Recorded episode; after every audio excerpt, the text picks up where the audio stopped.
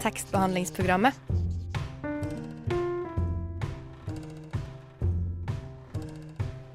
Tekstbehandling på radio.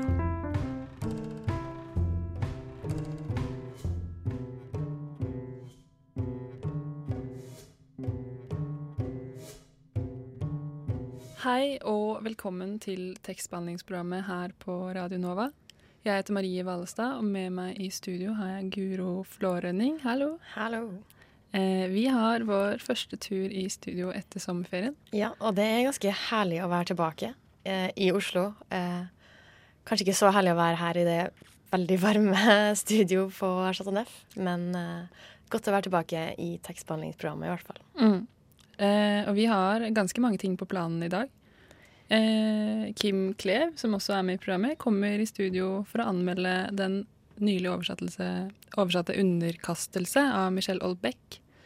Eh, og derfor skal vi også få et gjenhør med da du, Guro og Kim hadde oversetteren av boka i studio. Mm. Vi hadde han eh, her i vinter, rett etter at boka kom ut i Frankrike. Og den boka fikk eh, ganske mye oppmerksomhet i og med at um, forfatteren, da, Olbeck, var karikert på Charlie Hebdo den dagen um, terrorangrepet skjedde. Uh, men nå har den altså kommet på norsk, eh, og da blir det veldig spennende å høre hva Kim syns om den. Mm. Eh, og etter det så får vi også besøk i studio av forfatter Anders Brenno. Han debuterte i vår med en diktsamling som heter Vampire Ye, og da var han også gjest hos oss. Og da pratet vi mye med han om eh, boka hans, og om vampyrer, gotikk og populærkultur. Eh, I dag skal vi høre litt om hvordan det har vært å være debutant, eh, og om hva han driver med nå. Det blir gøy, tror jeg. Ja, det er, jo, det er jo mange som debuterer i høst, så det blir spennende å høre hva han som har vært inni det, egentlig syns om det å være debutant. Mm, kanskje han har noen tips. Kanskje. Mm. Eh, men aller først så skal vi høre en låt. Exhibit Diaz med bandet Ibei. Der hørte vi en skikkelig fin låt fra Nova sin nyeste A-liste, eh, Ibei med Exhibit Diaz. Eh, og snart skal vi høre Kim anmelde eh, underkastelse av Olbeck. Men først så skal vi høre litt om boka, Guro. Uh, ja, uh, vi skal ha et lite gjenhør med intervju jeg og Kim da gjorde i vinter med oversetter Tom Lotterington. Da hadde han vel akkurat starta med arbeidet, vil jeg tro. For nå har denne boka kommet på, på norsk, og den fikk ganske mye oppmerksomhet da han kom i, i januar, både i, i, Frankrike, der Olbeck kommer fra, og også her i Norge. Um, 'Underkastelse' er en bok som viser et framtidig islamsk Frankrike med en uh, muslimsk uh, president. Uh, og det her er da mange som har, man har diskutert hvordan det her kan leses, og hvordan det kan eh, bli en del, eller være en del av religions- og samfunnsdebatten, egentlig. Tekstbehandlingsprogrammet kan du høre hver onsdag mellom 10 og 11 på Radio Nova. FM 99,3. Nå har vi fått ut uh, de utvalgte og fått inn uh, Tom Lotterington. Uh, velkommen til tekstbehandlingsprogrammet. Takk for det. Du holder nå på å oversette boka 'Underkastelse' av den franske forfatteren Michel Olbeck. Og for dere lyttere som ikke husker hvem Olbeck er, så er det den forfatteren som ga ut bok den samme dagen som terrorangrepet på Charlie Hebdo. Og han fikk derfor ganske mye oppmerksomhet, eh, fordi at boka bl.a. handler om religion, og fordi at Olbeck var karikert på forsida til Hebdo den dagen. Men først og fremst, hvem er Michel Olbeck? Uh, han er kanskje den mest oversette og leste forfatt franske forfatter for tiden, som uh, altså oversettes til alle uh, kulturspråk, også norsk, og, og leses av store lesegrupper. En skandaløs forfatter på mange måter. Ja, På hvilken måte da? Ja, På den måten at han er eh, motstrøms på Han er ikke politisk korrekt. Han er eh, antifeminist. Han er kanskje reaksjonær. Han uh, mener sterke ting om islam og ja, om samfunnsutviklingen. Ja, Det kommer kanskje tydelig frem i underkastelse, eller som den potensielt skal hete. da. Men Leser du den som en kritikk mot islam? Ja, For det første så leser jeg den ikke som en profeti. Jeg tror ikke verken forfatteren eller leserne tror på at dette kommer til å skje i 2022. Men øh, det er helt klart en, en satire og en uh, samfunnskritikk, en kritikk av det franske samfunnet slik det er i dag, altså. Og, og øh, han har jo ingen respekt for noen av de nåværende franske politikerne. Det er noen som har sagt at de har vært redd for at uh, en sånn her bok kan forsterke frykten uh, for uh, muslimer. og i Norge er jo en sånn eller frykt for snikislamisering, da, som blir så populært kalt her. tenker du at denne boka kan skape frykt? Ikke hvis man leser den, tror jeg. Men kanskje hvis man, bare, hvis man, leser om den. Ja. Altså bare leser om omtaler og den slags ting, så, så kan det nok nøre opp under en sånn angst eller frykt for at en mistanke om at muslimene egentlig er her for å overta makten i Europa. Og det, det, det, det de gjør, altså, men de gjør det ikke De gjør det i fiksjonen. Og, og de, denne muslimske bevegelsen som vinner valget, og som danner regjering, den, det er for det første en veldig mild form for islam. Så hvis du leser den, så vil man forstå det som fiksjon? Da vil man skjønne at dette er en grov spøk. Ja og en satire. Og alvorlig ment, for så vidt, men, men ikke alvorlig ment som en fremtids- eller sånn dystopi. Altså, jeg tror ikke jeg tror ikke forfatteren et øyeblikk har tenkt at sånn kommer det til å gå om fem, seks, syv år her i landet. Men alle disse eh, ekstreme synspunktene som folk eh, leser i Holbergs romaner um, Er det noe du på noe tidspunkt har lest i ham? Har du ja. Ja, ja. det er veldig vanskelig å vite hvor han selv står i forhold til dette. Han, han lager jo en, eller han dikter opp en hovedperson her som forteller historien i, i jeg-form, og som sikkert har veldig mye til felles med sin forfatter på mange måter. Men han er enda mer altså Han er en desillusjonert uh, middelaldrende ungkar som aldri har fått uh, til et varig forhold. Enda han er svært opptatt av kvinner på den måten. da. Uh, bare ikke flink til å holde på dem. Eller altså Han er Det er jo det typiske for den misogyne, kanskje, at han tar det beste ut av dem og ikke vil ha resten. Mm. Um, uh, nei, altså spørsmålet ditt var om uh, Ole Bech selv står for det som Nei, nei, om du, om du leser han som uh, ekstrem. Altså du sier at hvis man bare hører om Holbeck og det han skriver, mm. så vil man kanskje bli skremt eller uh, tar for gitt at han kanskje er bare vulgær og sexistisk. Uh, og så lurer jeg på om du har lest dette i denne eller noen av de tidligere Eller om forfatterskapet hans sitt er ja. for, fortjent å være sett på som så kontroversielt. da. Altså, han, han, sier sannheten slik han ser det, og, og, og på en kynisk måte og uten omsvøp, og, og det kan jo virke og, og, og, han mener, mener, mange av disse tingene som kan sjokkere en sosialdemokrat. Men,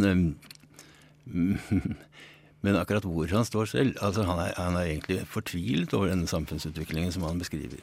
Og, og han han, han er jo en ateist som egentlig beklager at, at, at samfunnet er blitt gudløst. Mm. Han mener etter alt å dømme at religionen er nyttig.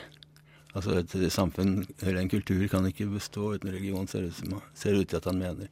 Og hvis, da, hvis det da går så langt som det har gjort i Frankrike, så er det ingen sak for en sterk religiøs bevegelse å overta makten, faktisk. Så det er en av tesene, da. Men øh, ja. Hva er, tenker egentlig du om forfatterskapet til Olbeck? Ja, jeg har forandret mening om det forfatterskapet nå for bare noen få uker siden. For inntil da så hadde jeg sterk motforestilling mot hele greia. Før du fikk oppdrag om å Ja, faktisk. Det er ja. sånn det har seg. Men eh, for nesten 20 år siden, i 98, så leste jeg den boken som ble hans gjennombruddsroman, som heter på norsk 'Grunnleggende bestanddeler'. Og, og tenkte at dette var en motbydelig bok som jeg ikke vil ha noe vil i hvert fall ikke anbefale for noe forlag å utgi. Så ble jeg reddet av en slags gong-gong, da, fordi det var et annet forlag som tok den boken allikevel, så jeg slapp å, å, å refusere den. Jeg er veldig glad for det i dag. Men øh, denne boken som jeg da mislikte sterkt for 15-16-17 år siden, tok jeg opp igjen nå og fant at faktisk er en veldig rik og spennende og interessant bok. Uh, så den boken har jo egentlig ikke forandret seg, men det må jeg ha gjort, da. Og, og, og den, den, underkastelse som jeg holder på med nå, den, det er også en fascinerende bok på mange måter, selv om den kanskje er litt lettere i, sjangeren. Har på en måte et, du tror han har et mål med den boka her som er mål om at det skal skje noe konstruktivt, eller er det bare en kommentar han vil, noe han bare han vil ha få ut? Ja, jeg har sett han i et intervju en gang at han sier at en roman gjør aldri noen forskjell. Altså, så, han skriver ikke den for å forandre verden, men han skriver for å få sagt det han har på så det, Som ligger veldig hardt, tungt på hjertet, da. Det er tydelig at han vil ha sagt det. Få gørra ut, på en måte. Mm. Men han har ingen illusjoner om at dette forandrer verdens gang.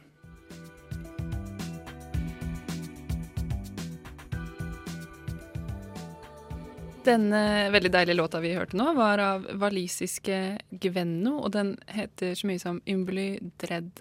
Eh, nå har vi med oss Kim Klev i studio. Hei, Kim. Hei sann.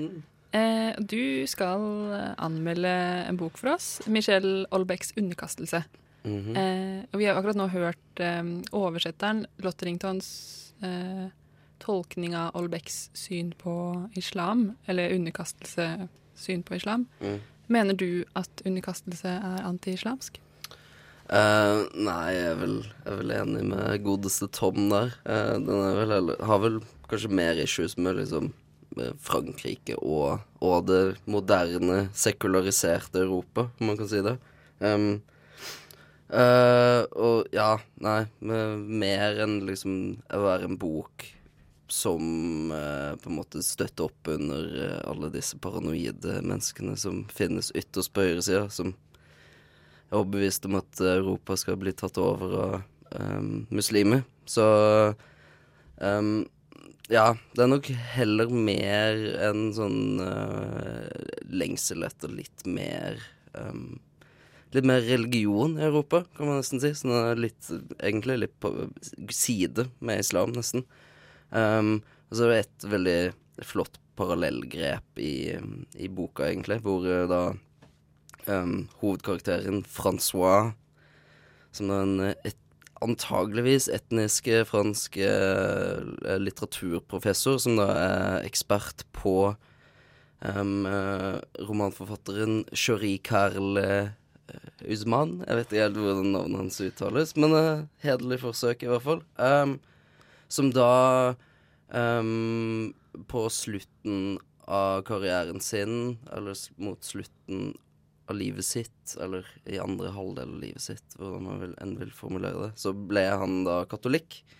Uh, og man, uh, uten å spoile for mye, men uh, hovedkarakteren i underkastelse går på en måte også over til Eller litt går fra å være ateist til å bli litt mer religiøs mot, uh, mot slutten av boka. Um, så, så, det er jo snedige grep, om man kan si det. Um, uh, og så, ja um, Så tror jeg vel mer bare at islam uh, Det er litt, litt, kult spekulativt grep, um, eller litt morsomt spekulativt grep å bruke islam, men også bare at, at det er nok mest plausibelt som en religion i Europa i dag. Det er liksom ikke så mye sjanse for at uh, kristendommen skal få noe oppsving igjen med det første. Um, så um, egen, egentlig så er den nok uh, pro uh, Eller ikke pro-islam, men den, men den har, har, en viss sympati med islam, denne, denne, boka. Men også ikke. Men, det er en annen sak vi kan komme tilbake til. Eh, du har jo lest en annen bok av Olbek, 'Kart og terrenget'. Eh, hvordan syns du disse skiller seg fra hverandre? Um, jeg syns kanskje 'Kart og terrenget' er enda morsommere. Um, den er jo tidvis hysterisk morsom, mens underkastelse er vel mer um, den, er den, er litt syrligere, men, uh, men jeg, jeg, det er kanskje det jeg liker aller best med Holbeck. Da. Han er jo liksom en skikkelig, skikkelig kyniker, uh, men også en ganske morsom, morsom kyniker. Um, og jeg, ja, det, så det er litt sånn uh, treff, treffe med, da. Um, men det betyr jo selvfølgelig at det er en del aspekter ved ham som uh, Som man godt kan kalle i hermetegn, da. politisk ukorrekte. Um, det er liksom et par uh, Ja, det er mye Kvinne er først og fremst liksom et et uh, seksualisert objekt for da denne hovedpersonen, og det er jo på en måte noe som har Holbæk har blitt kritisert for før, men um, uh, jeg vet ikke, jeg føler på en måte også at uh, underkastelse gjør veldig mye narr av sånn stupid mannlig seksualitet, særlig, særlig på slutten, da, hvor um, hvor hovedpersonen egentlig bare har lyst på en kone på 14 år, og hun kan knulle, og en på 40 som kan lage mat til han. Um, så det er jo på en måte uh, De mer Det, han um, Det Holbeck liksom har litt mindre sans for med, med islam, virker det som, da. Um, uh, men ja. Uh, men jeg, jeg, jeg syns, jo, syns, jo, det er en veldig god roman. Men um, særlig i andre halvdel så blir den litt ufokusert, og egentlig uh, blir mer kjapt en sånn oppramsing av um, i, uh, Av hva som foregår i Frankrike, og uten at det egentlig er noe som foregår. Så man, man mister litt interessen for uh, hva som foregår rundt hovedkarakteren også, så det er jo litt synd. Um, men um, ja. Uh, og så er vel uh, denne uh, hovedkarakteren også litt vel sånn Hva skal man si litterært selvbevisst. Liksom han snakker om at Snakker om bygninger han syns er skikkelig, skikkelig stygge, og legge ut om det, men samtidig så jeg liksom skyter inn etterpå at um, han, han er jo egentlig ikke interessert i arkitektur, da. Um, så det er et par sånn småting ved, ved romanen som gjør den litt svak etter hvert. Men, jeg, men ja Eh, jeg syns likevel at det liksom er flere passasjer som er veldig flotte. Um, en jeg gjerne skulle lest, hvis dere er interessert i det. Jo, vær så god. Um, som da er mens den hovedkarakteren er på i et i et uh, selskap hos noen venner av seg. Um, og så uh, Ja, så er vel kanskje Det som skjer da, er vel egentlig at uh, Holbeck Om man kan Hvis det da er Holbecks syn som kommer fram i boka, så er det på en måte at um, kvinnene i Europa i dag er liksom Det kreves for mye av dem. Det skal liksom um, At uh, Hva skal man si? Um, at istedenfor at eh, den feministiske kampen liksom klarer å vinne, overvinne alle de stupide tingene som fortsatt eksisterer, så det kanskje, blir det kanskje lettere å resignere til liksom sånn eh, dumme, gamle eh, kjønnsroller igjen. Eh, uansett. Men til slutt, eh, ble du Du var jo veldig, likte veldig kartet og terrenget veldig godt. Ble mm. du litt skuffa? Jeg er litt skuffa, men, um, men, samtidig, som kjente jeg liksom tidligere i dag, at jo mer jeg tenker på den, jo mer liker jeg den egentlig. Så kanskje jeg skulle lest den på nytt. Det er det jeg lurer på. Uh, ja. Du kan jo gjøre det, og så kan du fortelle oss hva du syns. Ja. det kan jeg gjøre. Greit. Um, les. Les. OK. Um, ja. Uh, Idet Annelise dumpet ned i sofaen og kastet et fiendtlig blikk på couscous-salaten, tenkte jeg på livet hennes og på alle vestlige kvinners liv. Om morgenen måtte hun trolig føne håret omhyggelig og deretter kle seg med omta omtanke, i tråd med sin profesjonelle status, og jeg tenker meg at i hennes tilfelle var hun mer elegant enn sexy. Men det er jo en vanskelig avveining. Hun måtte bruke ganske mye tid på dette før hun kunne levere ungen i barnehagen, og arbeidsdagen gikk med til e-post, telefoner og diverse møter før hun ved nitiden kom utslitt hjem. Det var Bruno som hentet ungene om kvelden og lagde mat til dem. Han hadde arbeidstid som en statsansatt. Uh, hun sank sammen, trakk på seg genser og joggebukser, og slik fremsto hun for sin herre og mester.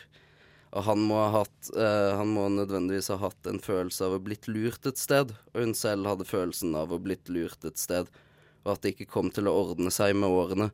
Med barna som kom til å bli større, og ansvaret på jobben som liksom mekanisk kom til å bli større, for ikke nevne noe om kroppenes forfall. Jeg var blant de siste som dro, og hjalp til og til og med Annelise med å rydde opp, og jeg hadde ikke den aller minste tanke på å få meg et eventyr med henne.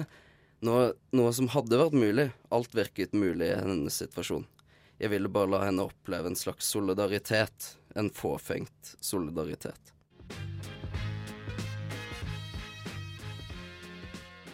Vi fikk akkurat RJD2 sin låt eh, 'Ghostwriter'. Du hører fortsatt på tekstbehandlingsprogrammet, og vi har fått en gjest i studio. Han debuterte i januar med diktsamlingen 'Vampire'. Han heter Anders Brenno. Velkommen til oss. Takk for det. Ja, for de lytterne våre som ikke hørte på i januar, da du var med oss på Dakeman, kan du bare kort fortelle litt om eh, 'Vampire Yeah'? Jo, eh, det var jo en diktsamling som eh, jeg har, jeg har, sikkert sagt dette en del ganger før, men det var når eh, jeg og min daværende kjæreste slo opp, så var det da at jeg da hadde veldig behov for å øh, skrive, og da skrev jeg da en diktsamling. Og øh, det var veldig Det er veldig lite dikt i Norge som jeg skriver om horror og skrekk, så derfor så ville jeg gjøre det. Og derfor så gjorde jeg det. Ja. Mm. Det er en diktsamling om horror og skrekk. Ja, og kjærlighetssorg. Ja, det er kjærlighetssorg. Det er død og kjærlighet. Eh, vi skal snakke litt med deg om hvordan det har vært å være debutant med den boka siden den gang. Da var du jo hos oss mm. eh, nesten med en gang boka var kommet. Eh, jeg tenkte vi skulle gjøre et lite klipp fra det intervjuet. Altså, for eksempel da, når du har kjærlighetssorg, du skal leve oppi man, man har det litt kjipt, da så er det at når du skal skrive om den kjipheten, skal det på en måte være katarsis, holdt jeg på å si? Skal du leve oppe og komme gjennom lidelsen, eller, eller skal du liksom ha litt humor da, for å kunne, kunne leve litt oppi det? Som jeg skriver et eller annet sted, har dødd én gang. Så er du på en måte gjennom det verste. Der en kamerat sa til meg i går at når han føler seg kulest, det er når det ikke er noe håp. Da har han det bra, da, på en måte. Hva vil de si være kul? Det er, det er et godt spørsmål. Det, det, som er litt problemet på en måte kan bli når man skriver en sånn samling, det er jo lett at det blir litt sånn eh, den eldre garde, vil jeg tenke. Da, liksom, det er litt vel kult. Det kan bli litt kleint å bli for kul, ikke sant? Så det er jo en sånn veldig sånn balanse. Man kan jo tolke etter det her som at uh, altså Jeg gjør jo litt narr av jenter holdt jeg på å si, i den jentene i boka mi gjør litt narr av, men jeg gjør også litt narr av de mennene. For de prøver veldig å være kule, ikke sant? samtidig som det er en litt sånn nødvendighet for de òg, da. Eh, ja, hva, hva, mente du med at det kan bli litt kleint for den eldre garde? Nei, det er jo at um, Kommer an på gamle de er, holdt jeg på å si. Det, det, det, er de som har gjennomgått uh, Sett ironien som var i 90-tallet og da prøvd å ta en avstand fra det, for det går gjerne i bølger. Um, så man, det er mange som har blitt litt ferdig med denne uh, ironien. Og, og, syns, og derfor, når de ser noe som de antar kan være ironisk, så dømmer de det kanskje litt fort, da. Og så er det vel noen som reagerer på at uh, man, noen vil at uh, poesien skal kanskje være litt sånn nedpå. Og ikke prøve å være så innmari kul. Man ser på det gjerne som noe litt mer seriøst hvis de ikke prøver å være for kult, da. Så jeg vil anta det er noe i det. Ja, men har du opplevd at, noen, at uh, man har noen som har lest det, og så tenker man, tror de at det er altfor ironisk, eller syns det er altfor ungdommelig, eller ja, jeg, jeg har fått høre det litt da, i noen uh, enkelte sånne magasiner. At det noen syns det kan være litt ironisk, da. De tror det. Altså, men, men, men, det er ikke det? Man kan svare på slikt. da. Jeg, jeg, jeg, sitter jo ikke, jeg sitter jo ikke og tuller. Jeg skriver ikke på tull. Nei. Det gjør jeg ikke. Nei. Men hvordan er det da å bli oppfatta som at du tuller, eller at du er ironisk om, om kjærligheten og døden? Det er jo ganske seriøse greier. Ja, det er jo det. Man må jo ha litt humor oppi det òg, da. Det er jo klart, det. Men eh, det er jo ikke bare eh, Det kommer an på hvordan man ser på det, det. Mm. Det er det, dette med liksom Er man alvorlig? Er man seriøs? Ikke sant? Hvor ligger humoren? Uh, uh, det, man tror jo også at uh, har man humor i noe, så er det på en måte litt sånn lavt. Det, det, er, jeg, det er ikke jeg noe Det er ikke jeg noe for, da. Hva tenker, hva tenker du på da? Nei, at man tenker på komedie som en litt sånn lavere form for kunst, da. Men eh, Nei, hva skal man si, da? Død og kjærlighet det er ikke så veldig tullete, det nødvendigvis.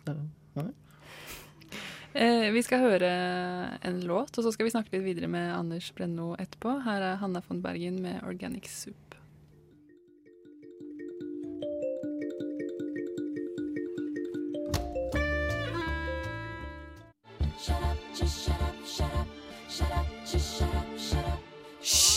Hører vi på tekstbehandlingsprogrammet.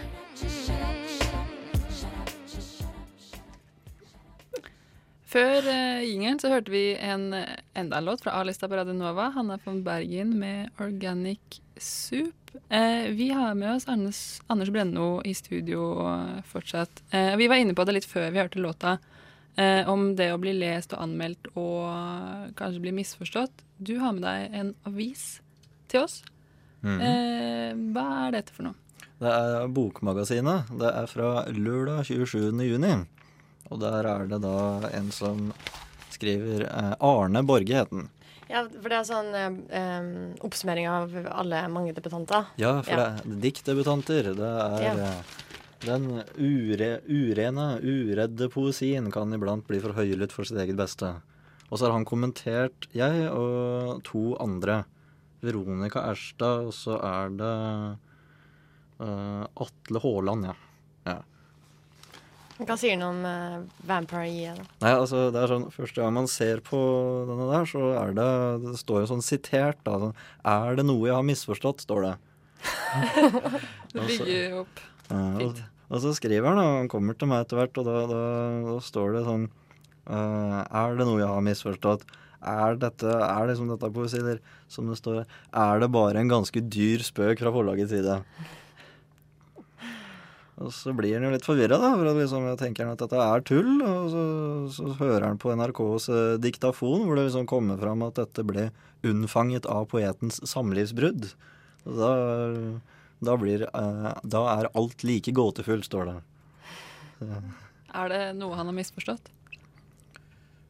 Eh, nei, nå vet ikke jeg hvor nøye han har lest boka. Nei, ja, nei men hva syns du? Nei, eh, jeg, jeg synes, altså Først må jeg si at jeg syns den skriver veldig godt. da. Han, det er en veldig fin skrevet artikkel, så jeg, jeg syns det er veldig artig at han uh, lurer litt på hva jeg driver med. Men, hva- men hva syns du om å få en sånn uh, anmeldelse? Hva, hva, hva, hva tenkte du når du leste det? Mm, nei, altså jeg ble jo Jeg måtte jo også lure litt på hva han mente, da. Um, jeg har um, De andre anmeldelsene jeg har fått, så er det sånn at først så sier at jeg er ironisk. Um, så var det noen i Universitas som uh, syntes at det jeg drev med var veldig spennende. Og skrev 'Anders Brenno bruker døde og døende metaforer'. Går over lik. ikke sant? Og da var den veldig positiv. Så her har du en som liksom er liksom midt imellom. da. Det, det syns jeg er veldig fint. Ja. Kult. Eh, hvordan var det å få diktsamlingen din antatt? Sånn, hvordan var prosessen da du jobbet med forlaget? Ja, det var eh, Først å sendte jeg inn, og så Og så syns de at Og så fikk jeg jo svar, da. For jeg hadde sendt et par andre forlag, jeg hadde det, men altså, det ga veldig Fikk et positivt svar, og dette her er vi interessert i. Jeg kan ikke love noe ennå, men kom, så skal vi prate om det. Som, de lurte vel litt kanskje på hva jeg mente dem òg, da. De ville ha litt prat, da. Og så hadde vi en del runder. Vi hadde det, jeg lurer på om prosessen tok to år eller noe sånt. Det var, de var tålmodige med meg. Det var de. Og de, de sa jo også på et visst tidspunkt at Vet du hva, Anders, du er jo fortsatt ung. Du kan jo skrive litt til, da, så kanskje om noen år så kanskje vi syns dette er ålreit. Og så tenkte jeg fakeren heller, dette gidder jeg ikke. Så da satte jeg meg ned og så sendte jeg det til mange, og så gjorde jeg hele greia på nytt og gjorde det bedre. Og da, da fikk jeg det til, da. Så da ble du gitt ut. Ja. Bra. Eh, du har jo lest opp en del på OPS, eller på Oslo Poesisentrum også, både før og etter at du ga ut den boka. Eh, skal du lese opp noe der i høst? Uh, jeg har veldig lyst til det, altså, for jeg har øh, vært med, prøvd å vært med på så mange jeg kan. For det var jo de som gjorde at jeg blei veldig positivt innstilt til det, hele tatt det å skrive dikt. Og at jeg følte at folk likte det. Og det, det kan takke de for ganske mye. Så jeg, jeg har lyst til å prøve å være med på noen til. Jeg tror det skal være noen på høsten. altså. De begynner jo, de er flinke. da, De begynner å komme seg veldig høyt opp og er på nyere og bedre steder hele tiden. Har du noe nytt materiale som du skal presentere der, tror du? Ja, jeg har litt lyst til det. Eh, jeg har driver og skriver litt på uh, Valdresdialekt, da. Mm. For at det er Ja. Det er eh, Det er mye fra Valdres som er veldig, veldig koselig. Du har eh, musikk som er veldig trivelig, ikke sant? veldig folkelig og alt sånn. Men det er mye grums. Ikke sant? Det er mye som skjuler seg i, eh, i bygda, og åssen folk tenker. ikke sant? Så da vil jeg på en måte få litt ut det, da. Har jeg prøvd, da. Ja. det sånn åpen sluse fra Valdres? Jeg, har jo med noe, så jeg vet ikke om jeg skal lese ett, et, ja. ja. Gjerne.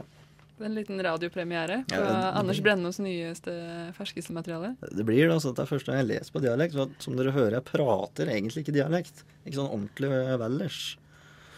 Men eh, jeg har jo det inne. Jeg har, Ja. jeg har det vel det, da. Så ja, da, da, da prøver vi et nå, da. Ja, vær så god. Det går sånn. Er ikke redd for einsemdig. Det andre de måtte kalle, det kan være mykje verre. De som treng å tala, de stunda ikkje slik som meg. Slik dampen si fra vatnet, mot månen og blir kvit. Slik makken klyv utor grefti, blaut, i blaut sevje fra graset, klatra opp i karmen og glana dødvint gjennom glaset. Jeg sitter i mørket og skapa med ord som jeg ikke treng tala, kasta jord som pakka seg når treverket og kiste bryter sammen.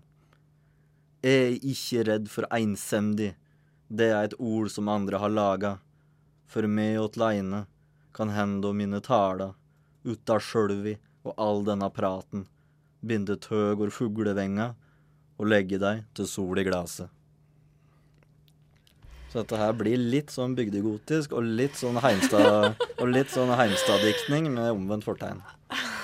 Jeg tror det blir bra, jeg. Jeg tror det kan bli kjempekult. Det er i hvert fall eh, Det høres Eller eh, soundet er veldig annerledes enn Vampire Yeah. Ja, ja kanskje litt. Er det når du har lyst til å, du har lyst til å gå litt uh, anna. Det er fortsatt litt på gotikken, men nå er det bygdegotikken. Ja. Nei, det blir jo um, det, Jeg liker veldig godt å leve meg inn i andres måte å prate på. Og da blir det litt at jeg har eh, Det er fortsatt død og kjærlighet. Kommer ikke unna det. Altså, det er Skal være gotisk, men da er det liksom prøve, prøve rett og slett en ny stemme. Så jeg er ikke ferdig ennå. Så jeg driver fortsatt og prøver meg frem. Mm, nå er det jo ganske mange eh, nye andre folk som skal gi ut sine første bøker til høsten. Eh, har du noen tips til de kommende debutanter? Oi, skal vi se Tips til de? Ja, nei, det er jo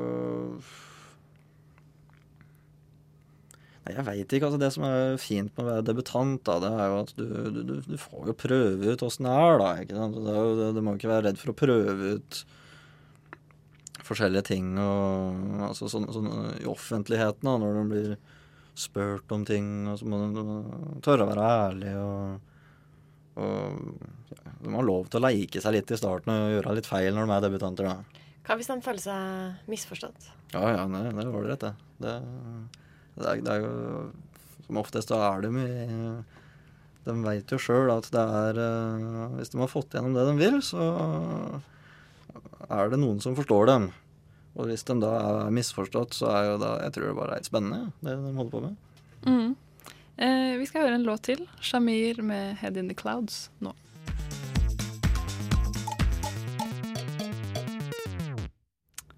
Shamir med 'Head in the Clouds'. Eh, nå begynner vi å nærme oss eh, slutten. Eh, vi har fortsatt med oss Anders Brenno. Eh, og vi lurte på, nå som bokhøsten er i gang, Anders, eh, er det noe spesielt du gleder deg til? Ja, det er særlig tre forfattere som jeg gleder meg veldig til.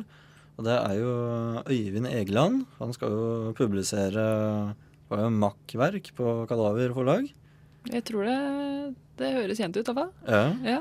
Så jeg har Jeg må jo være ærlig og si at jeg har ikke lest så mye av han uh, før. Men altså etter det jeg har lest uh, om han, og litt sånn øh, sitater og sånn fra det han skriver, så uh, Det virker som han er kapabel til å skrive en del liksom mørke greier, da. Og det er jo interessant. Det virker som han har en, kul stemme, syns jeg.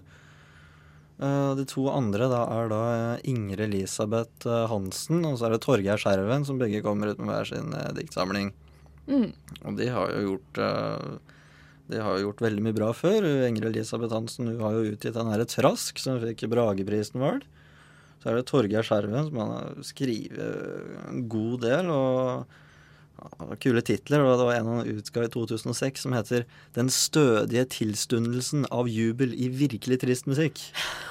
Wow. Og han skriver veldig sånn voldsomt og lange dikt. Og, altså, så de gleder jeg meg til. Ja, det er gode tips. Eh, vi har også mange ting vi gleder oss til. Mm. Mhm. Vi i tekstbehandlingsprogrammet vi skal f.eks. være med på en festival. Ja, eh, Sted heter den festivalen, og det er en samarbeidsfestival av alle litteraturforeningene eh, i universitetsbyen Oslo. Eh, og da er vi med eh, 10. og 11. september på eh, Blindern campus. Eh, og da skal vi ha en eh, livesending torsdag 10. klokka kvart over ni. Så da er det bare å komme og se på og drikke øl. Mm. Eh, og så søker vi nye medlemmer, eh, både til vår redaksjon og på Radio Nova. Kom på infomøte på mandag eller onsdag neste uke klokka seks på Chateau Neuf. Eh, og påmeldingsskjema, eller altså søknadsskjema, finner du på radionova.no. Og neste uke så skal vi på nytt være på Deichman og ha sending. Eh, det skal vi fortsette med dette semesteret. Siste onsdag i hver måned.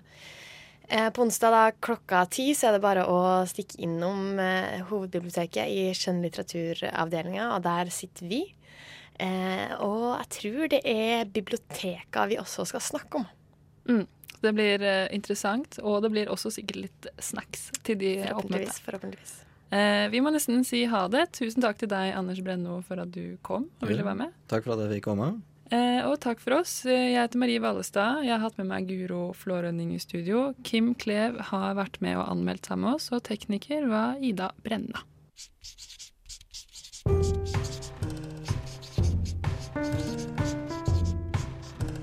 Tekstbehandlingsprogrammet. Tekstbehandling på radio.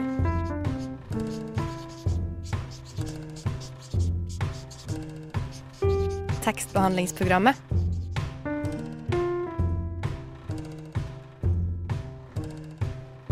Tekstbehandling på radio.